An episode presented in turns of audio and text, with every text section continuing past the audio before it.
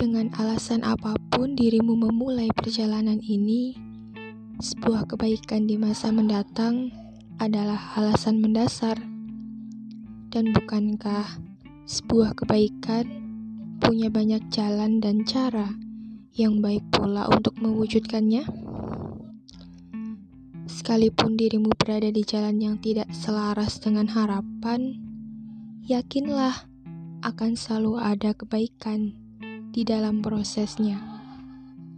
Hingga suatu hari dirimu tersenyum, bahagia, dan berkata dalam hati,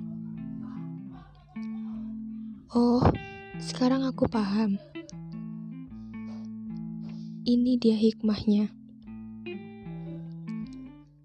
Teruslah semangat belajar, seberat apa pun rintangannya. Bersyukurlah berhenti untuk membandingkan dengan orang lain dalam segala hal. Banyak kok yang ingin berada di posisimu sekarang. Jangan lupa untuk melihat ke bawah, dan jangan terus-terus untuk melihat ke atas. Ingat lagi, ada senyum bangga kedua orang tuamu menanti dirimu, karena melihat dirimu bahagia, bermakna, dan bermanfaat.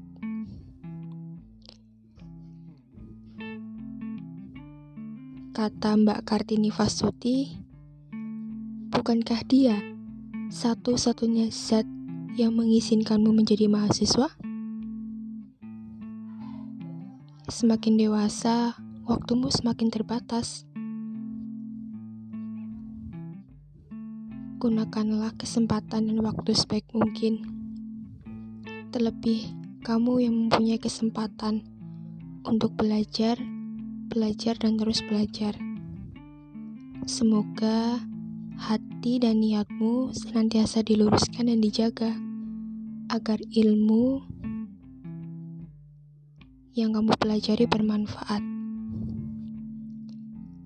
Semangat!